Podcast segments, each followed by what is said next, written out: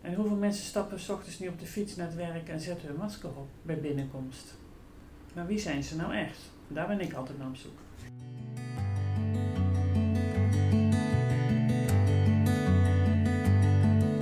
Welkom bij deze podcast over bijzondere processen. Mijn naam is Suzy Jokel en ik ben enorm geïntrigeerd door de manier waarop mensen met elkaar samenwerken, samen resultaten proberen te behalen, oftewel procesmanagement. Procesmanagement is eigenlijk niets meer dan slim samenwerken. Maar hoe doe je dat eigenlijk in tijden van corona? In deze tijden waarin je je collega's mist, met wie je normaal gesproken even kon sparren, een bakje doen, even naar buiten, een rondje lopen met, hè, voor een werkoverleg. In deze tijden gaat alles anders. Misschien ben je ziek geworden, of iemand uit je privéomgeving, of misschien heb je wel een dierbare verloren, of iemand uit je team. En weet je dat nog van elkaar als je elkaar weinig ziet? Rouwen op de werkvloer. Wat is het effect daarvan op processen en hoe ga je daarmee om? Ik ging te raden bij een expert op dit gebied, Ingrid Flemings, verlies- en rouwdeskundige. Als, als ik weet dat iemand echt een masker draagt, als ik dat idee heb, dan, uh, dan pak ik een gedicht wat gaat over. Elke dag stond zij voor haar kast en uh, dat masker lag in de kast nou ja, het gaat natuurlijk meerdere zinnen, maar in ieder geval, het komt erop neer dat. En elke dag pakte zij weer dat masker wat haar zo goed past. Maar dan bewust. En je mag voor mij bewust de keuze maken om dat masker op te zetten. Als jij die dag vindt dat, dat je dat nodig hebt, of je gaat iets doen en uh, het helpt je, doe het vooral. Maar dan is het een bewuste keuze. Als je een masker op hebt en je kan het nooit afzetten en je weet niet eens dat je een masker op hebt, maar je bent jezelf helemaal kwijt, ja, dan gaan we kijken van wat zit er achter dat masker. Ingrid Flemings had al een lange carrière als haptotherapeut toen ze bij toeval stuitte op een praktijk voor verlies en rouw. En toen dacht ik, god, ik wist niet dat dat bestond. En, um, want in de tijd, zeg maar, dat wij, ons gezin waar ik uitkom, waar veel ziekte en dood was en is, um, dat nodig gehad hadden, was dat er wel eens mij helemaal niet.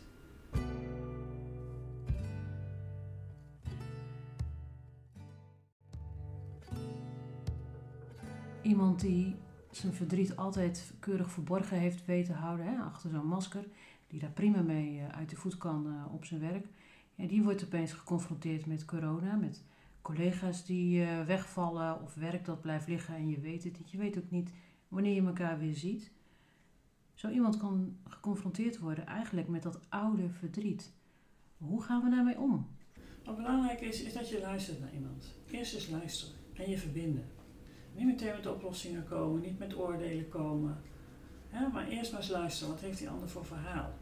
En dan kan je vragen, als je drie keer hebt geluisterd, van wat, wat, wat heb je nodig?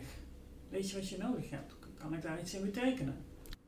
En heb je nu ook veel uh, cliënten in je praktijk oh, die te maken hebben met corona? Ik heb heel veel mensen gehad met onvervulde kinderwens, is verlies van verlangen. En uh, dat, daar op de werkvloer heeft dat ook heel veel invloed. Maar uh, ik heb nu een uh, meneer in begeleiding die heeft zijn vrouw verloren uh, aan corona. was daarvoor al heel lang mantelzorger voor haar. En uiteindelijk heeft ze ook nog corona gekregen. Ja, en dat maakt het gewoon lastig. Hij heeft zelf geen corona gekregen. En een twee of drie maanden daarna is zijn ex-vrouw overleden, vrij plotseling. Zag hij af en toe was een moeizame relatie met de kinderen ook waren vier kinderen. En dat is meteen, ik zeg vier kinderen, dan is er eentje overleden. En waar beginnen we mee? Met dat kindje in de behandeling. En zijn hond was ook, had hij ook nog moeten laten inslapen die week. Nou, toen trok hij het niet meer. Ik zeg, nee, dat snap ik. En de bedrijfsarts? Ja, en ik moet van die bedrijfsarts aan het werk. En dat is een wat oudere meneer en hij bedoelt het goed. Hij zegt, ja, structuur, dat helpt. En dat weet ik uit ervaring. Ja, structuur helpt, maar het moet wel kunnen. Hij zegt, dat kan gewoon niet kan me niet concentreren. En hij is moe, hij is lusteloos, hij kan niet meer genieten. Hij, hij moet kijken dat hij in het huis kan blijven wonen. Dus hij, financieel komt er enorm veel op hem af. Allemaal juridische taal waar hij geen reet van snapt. Dus hij heeft tegen bedrijfsarts gezegd, ja, het gaat gewoon niet. Ik wil wel, maar het gaat gewoon echt niet. Nou, dan krijgt hij die twee weken erbij en dan krijgt het verhaal weer opnieuw. Ja, nu moet je wel echt aan het werk.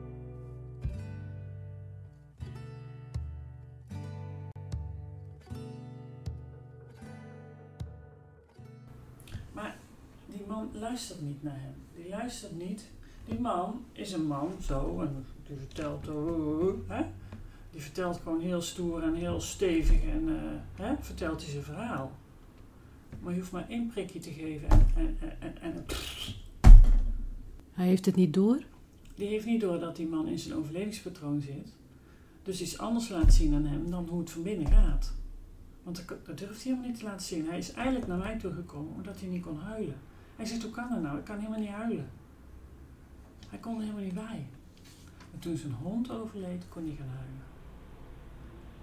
En toen ging de wond van zijn zoontje open. Want die hond keek op dezelfde manier als zijn zoontje. En dat, dat is dan waardoor de emmer gaat overlopen. Dus je stapelt eigenlijk rouw op rouw. Ja, dat noem je stapeltjesverdriet.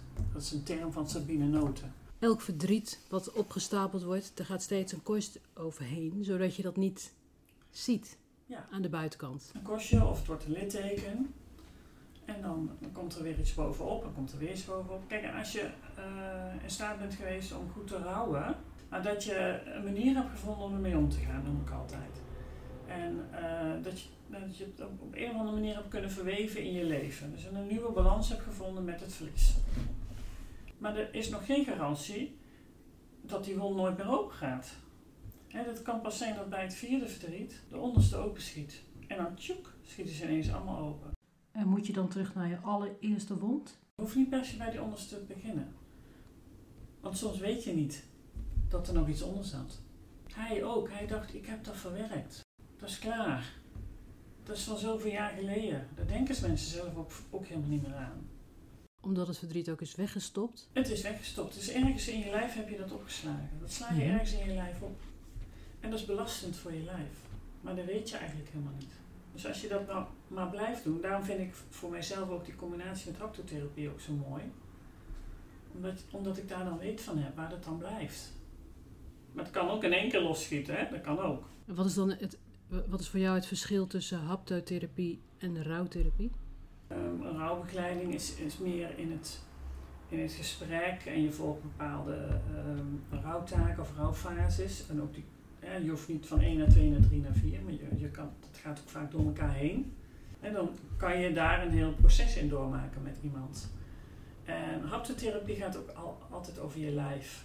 Van uh, hoe ga je met je lichaam om? En hoe je met je lichaam omgaat, heeft ook te maken hoe je met emoties omgaat. Dus daarin raakt het elkaar. Wat een mooie combinatie eigenlijk, rouwtherapie en hapto. Want ja, we hebben allemaal verdriet, een mensenleven kent verdriet, maar alles wat je meedraagt, ja, daar kun je later nog last van hebben. Flemings vertelt over een mevrouw die in de 60 is en weer een afspraak heeft gemaakt in de praktijk. En ze was eerder bij mij geweest en uh, dat was echt verstokte rouw die vast zat. Ze was uh, met haar gezin van herkomst, als, als jong kind was ze in, uh, in een Afrikaans land. Haar vader krijgt daar een ongeluk en verongelukt. Nou, dan moet je je voorstellen dat je dus als gezin met een moeder die in een kraambed lag, de, de vierde was net geboren. Zij is de oudste dochter. Uh, dat gezin gaat naar Nederland. Je raakt je vriendinnetjes kwijt, je raakt je school kwijt. Je raakt je vader kwijt. Maar je bent ook je moeder kwijt, want die ligt in het kraambed en die is niet te bereiken. Want die moet dat ook gewoon verwerken. Dus je gaat als kind ga je heel sterk maken. En doen alsof er niks aan de hand is. Dat kan, hè. Dus ieder doet het op zijn eigen manier, maar dat heeft zij gedaan. Nou, toen kwam ze het revalidatiecentrum met allerlei lichamelijke klachten en bijna de dood gezien. En toen kwam dit naar boven. En ik ben met haar uh, gaan kijken naar wat is er toen gebeurd met jou. En zij uh, heeft eigenlijk toen pas gerouwd over die verliezen die ik net noemde. Nu uh, heeft ze weer van alles meegemaakt met haar lijf. En nu kwam ze om te rouwen over haar gezondheid. Het gevoel dat alles er mag zijn. Zonder oordeel. Van alleen maar komen, het is allemaal goed. Wat er ook komt. Want het mag uit je lijf. Want het belast je lijf. Zonder dat je het weet. Want je, ja, als het niet naar buiten kan, sla je het ergens in je lijf op. En meestal weten mensen wel waar die plek is. De een, krijgt buikpijn, de ander hoofdpijn, de uh, ander legt het op zijn rug. Ja, het kan van alles zijn. Dus rouw is eigenlijk, als het gaat over verlies, ja, het is heel breed. Hè? Je, kan alles, je kan van alles verliezen. Rouw gaat niet alleen maar over dat iemand is overleden. Dat, zo ben ik ooit begonnen. Maar uiteindelijk is het veel breder geworden. Ook verlies van werk of verlies van functie. Uh, verlies van verlangen. Hè? Stel je wil heel graag kinderen en het wil maar niet lukken. Dat is verlies van verlangen. Maar ook verlies van gezondheid. Hè? Wat ik in het revalidatiecentrum heel veel tegenkom. Maar ook uh, bijvoorbeeld, uh, las ik vanochtend nog, verlies van erbij horen. Dat kan ook heel, heel pijnlijk zijn. Dat je altijd ergens bij gehoord hebt. Bijvoorbeeld na ontslag. Je hebt altijd bij je werk gehoord. Nou hoor je ineens nergens meer bij. En als je dan ook nog een partner verliest of geen partner hebt, kan heel alleen zijn. Je gaf net ook aan hè, um, over de, dat je met mensen door de stappen heen gaat.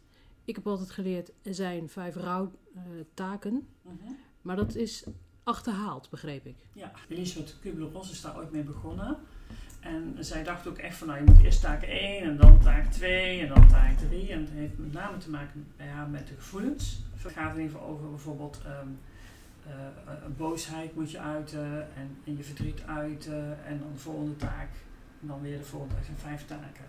Het gaat vooral om het uiten van, van je gevoelens. En natuurlijk is dat belangrijk, maar dat is eigenlijk één taak. Het uiten van gevoelens. Maar je hebt veel meer te doen. Rouwen is gewoon keihard werken. En rouwen gaat ook niet vanzelf. Je moet er echt actief mee aan de slag. En men zegt wel eens, uh, de, tijd heelt alle wonden. Nou, het gaat echt niet vanzelf. Nou, dat zag je bijvoorbeeld bij het voorbeeld van die mevrouw.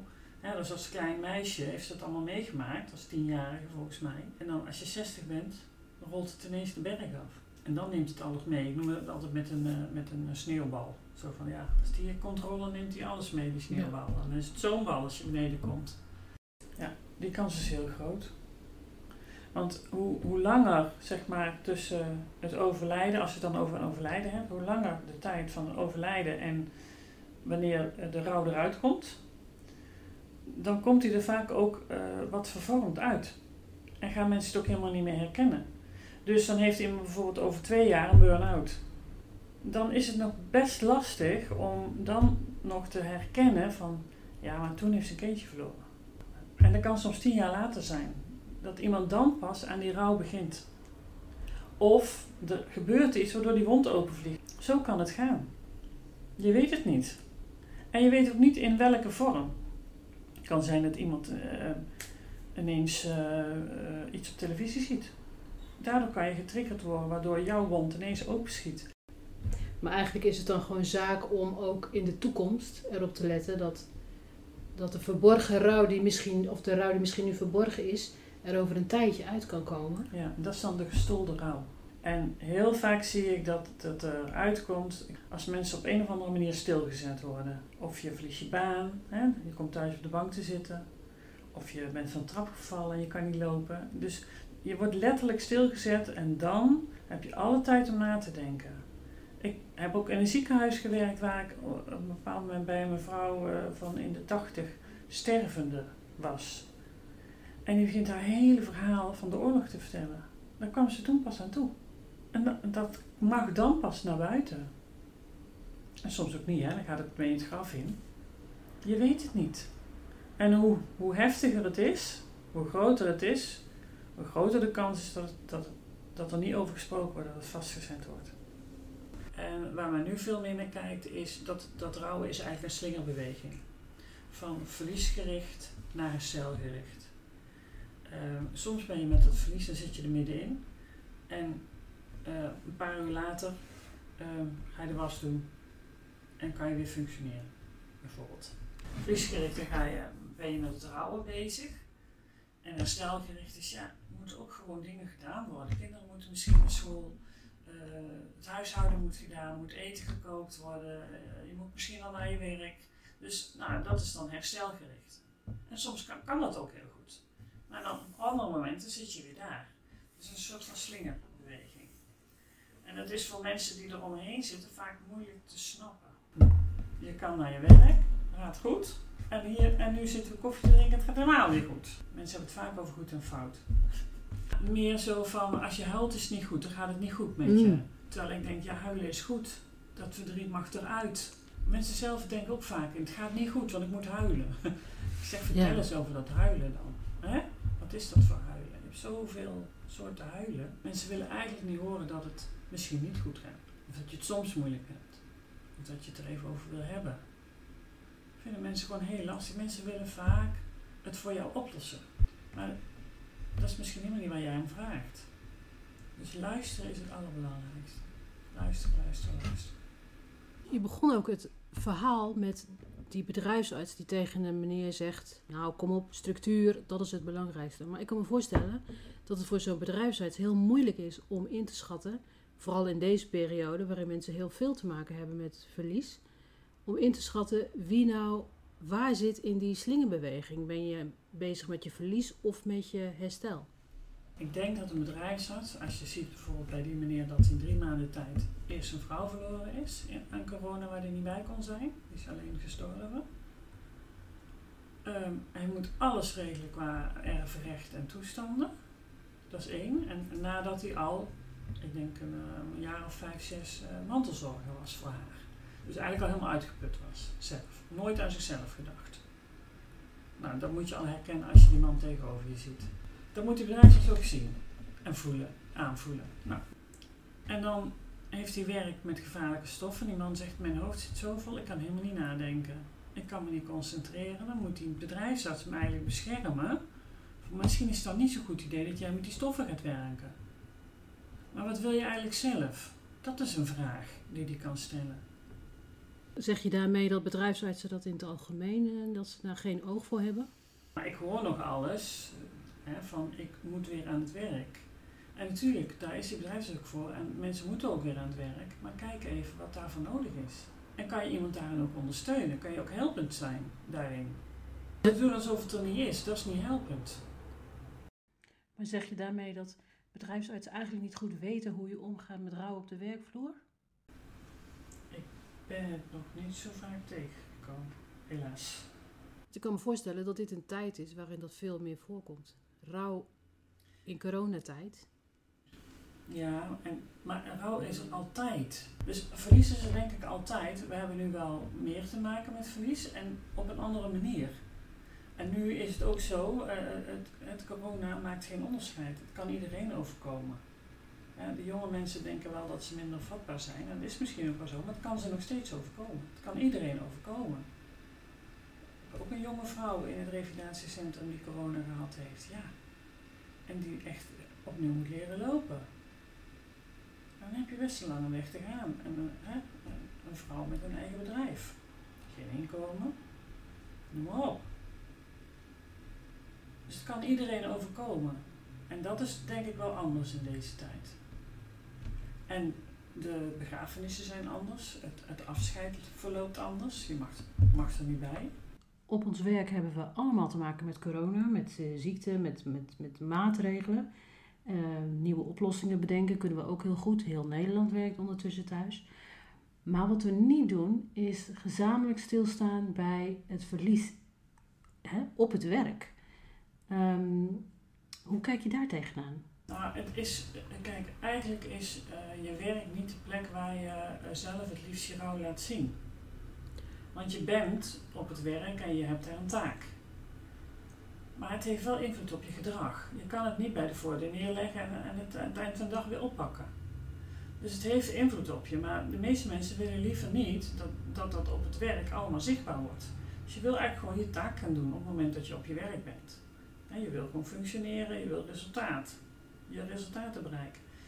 Maar ik, als, als, als werkgever moet je wel kijken van wat, wat is de invloed, dus moet je het gesprek aangaan met die persoon. Van, wat, is de invloed van de rouw, of die nou op het werk is of thuis, wat is de invloed op, jouw gedrag? Want als het invloed heeft op jouw gedrag, heeft het invloed op jouw manier van communiceren, in een team bijvoorbeeld, of, of op jouw uh, functioneren een beetje afhankelijk van wat voor werk je hebt. Dus wat zijn voor jou de gevolgen? En die gevolgen zijn niet alleen dat je verdrietig bent, maar het kan ook zijn dat je allerlei lichamelijke klachten hebt. Dat je lusteloos bent, dat je heel erg vermoeid bent, dat je een heel vol hoofd hebt, dat je niet kan concentreren, dat je, um, nou wat kan je nog meer, ja je kan eigenlijk van alles krijgen van wauw. Je, je kan niet meer genieten, je hebt geen zin meer in seks, je krijgt daardoor problemen in je relatie bijvoorbeeld. Nog eens erbij.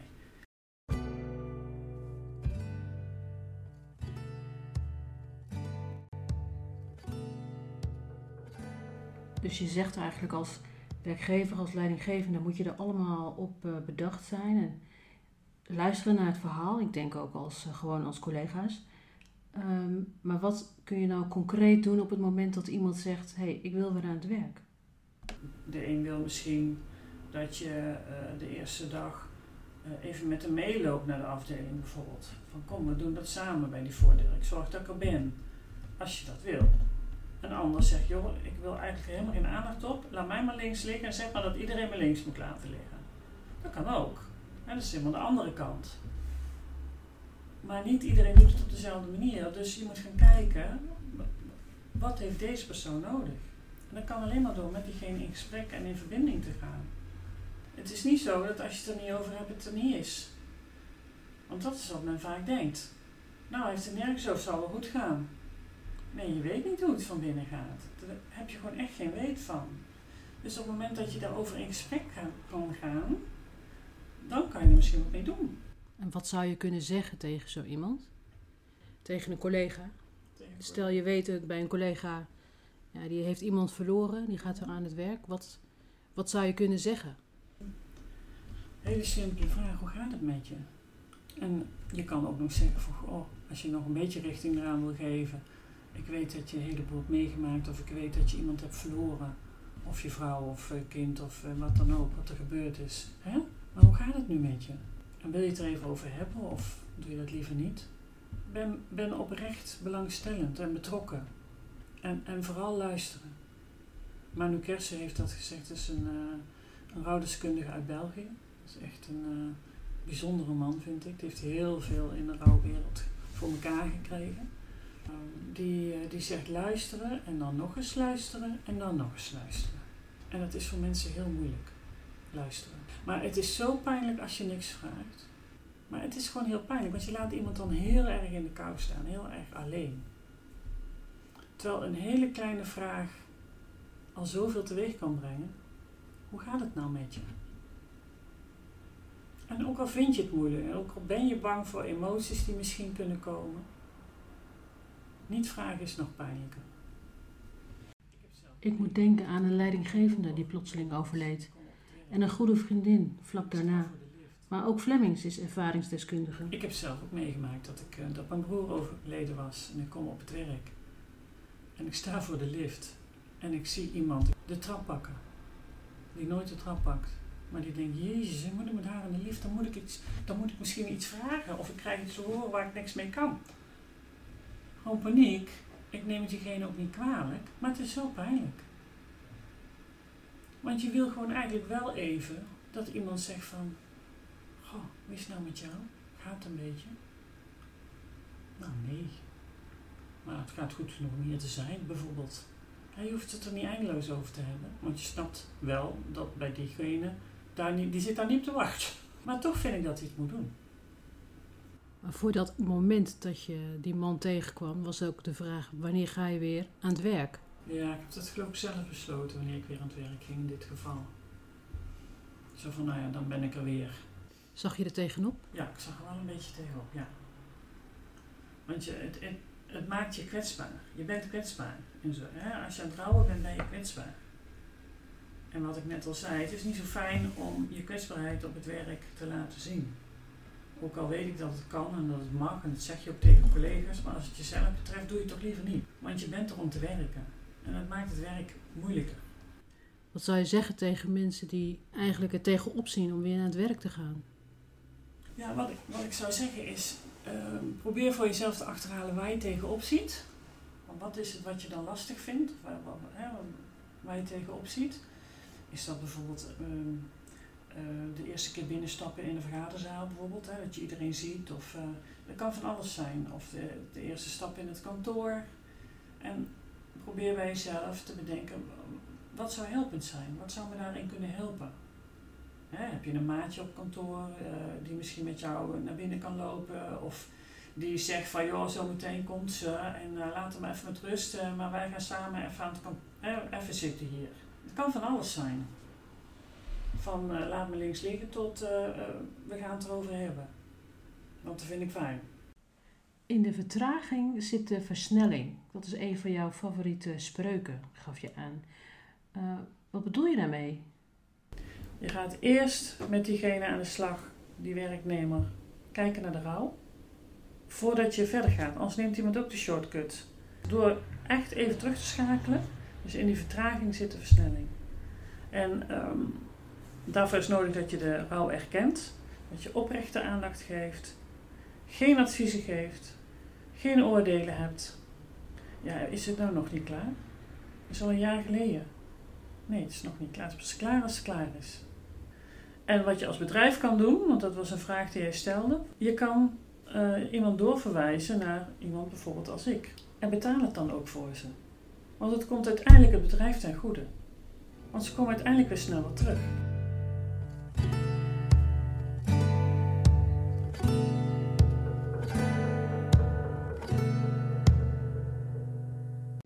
Heb jij in jouw organisatie te maken met verlies van werk, van gezondheid, van collega's misschien?